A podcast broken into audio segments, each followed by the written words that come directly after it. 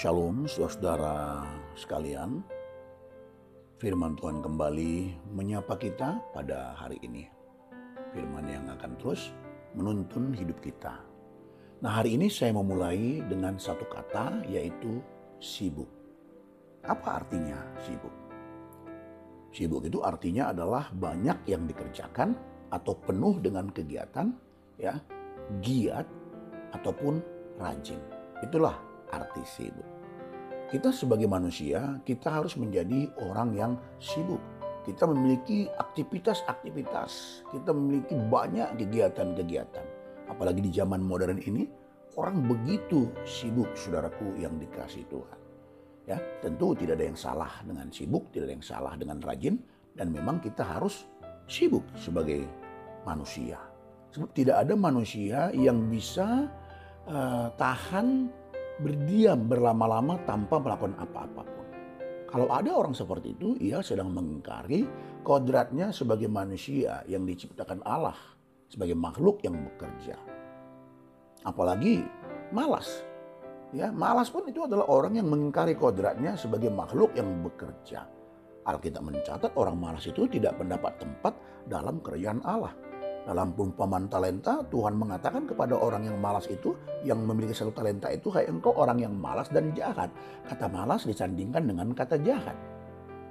Nah kita harus sibuk saudaraku. Allah kita pun adalah Allah yang sibuk. Di dalam Mazmur, pasalnya yang 121 mengatakan kepada kita bahwa tidak pernah tertidur Allah kita, penjaga kita. Dia memelihara, dia mengatur semuanya. Dan kesibukan Allah itu semua terkait dengan keselamatan dunia ini. Ya, terkait dengan keselamatan kita, terkait dengan kebaikan kita. Nah, itu kesibukan Allah. Ya Allah pun adalah Allah yang sibuk. Nah kita pun sebagai orang percaya kita harus menjadi orang-orang yang sibuk saudaraku. Tapi kesibukan kita itu untuk kemuliaan Allah. Seperti Rasul Paulus mengatakan bahwa baik engkau makan, baik engkau minum atau melakukan apa saja. Lakukanlah semuanya itu bagi kemuliaan Tuhan. 1 Korintus 10 ayatnya yang ke-31. Jadi semua yang kita lakukan mungkin dari hal-hal yang kecil ya. Hal-hal yang kecil yang sederhana semua yang kita lakukan. Bahkan Paulus mendetailkan ya makan minum saudara. Di semua harus bagi kemuliaan Allah. Bukan untuk kepentingan diri sendiri saudara tapi semuanya untuk kepujian dan kemuliaan bagi Allah.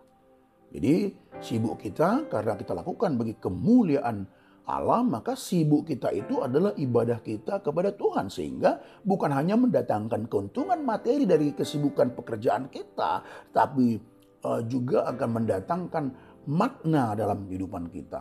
Ya, damai sejahtera, sukacita, kebahagiaan saudaraku yang dikasih Tuhan. Nah, dan kesibukan kita itu pun akhirnya menjadi sebuah pengabdian kepada Tuhan. Dan kesibukan kita, seluruh aktivitas-aktivitas kita itu merupakan ekspresi iman kita, saudaraku. Kesibukan kita merupakan buah dari iman kita. Kita yang telah mengenal Tuhan, yang telah diajar oleh firman Tuhan, maka kita ekspresikan itu melalui seluruh kesibukan-kesibukan kita yang mungkin begitu padat, saudaraku. Nah kalau kita tahu bahwa kesibukan kita untuk kemuliaan Tuhan, maka kesibukan itu pun pasti tidak akan menjauhkan kita dari Tuhan. Kita akan cakap, saudaraku dalam kesibukan itu juga untuk melihat kesehatan kita, bukan jadi abai terhadap kesehatan kita, bukan jadi abai terhadap spiritualitas kita, bukan. Karena kita melakukan semuanya bagi kemuliaan Tuhan, kita melakukan seluruh aktivitas kita bersama dengan Tuhan, saudaraku yang terkasih. Ya. Nah, saudaraku, jangan sampai kita kalah dengan kesibukan. Yang saya maksud kalah dengan kesibukan adalah jangan sampai kesibukan kita itu menjauhkan kita dari Tuhan. Kita sibuk hanya untuk perkara-perkara dunia yang bersifat sementara. Nah ini akan menjadi berbahaya bagi kita.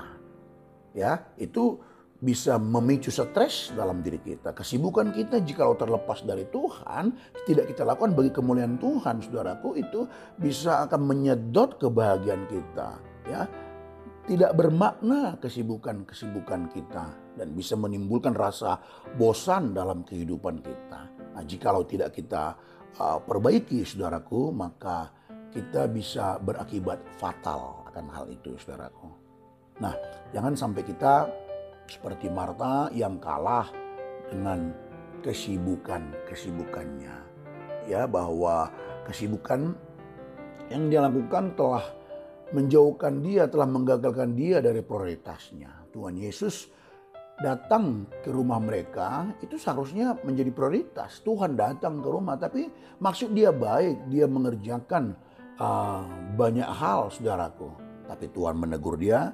Tuhan Yesus berkata, Marta, engkau sibuk dengan banyak perkara. Ya, ternyata kesibukan Marta telah menggagalkan dia untuk mendengarkan firman Tuhan dari Tuhan Yesus. Nah, saudara-saudaraku, bagaimana dengan kita? Awas, mungkin sepanjang hari ini saudara banyak sekali kesibukan. Mungkin ada deadline yang harus kita kejar.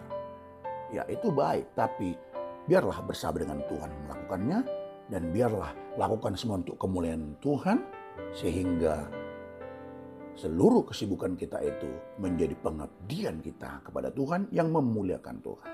Awas, jangan sampai kita hanya sibuk dengan deadline, deadline kita dan melupakan dead time kita.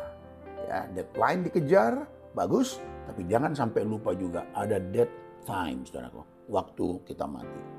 Nah, kalau kita memikirkan ini, maka seluruh waktu-waktu kita yang ada pun jadi bermakna. Tuhan Yesus menyertai kita, memberkati kita sepanjang hari ini. Amin.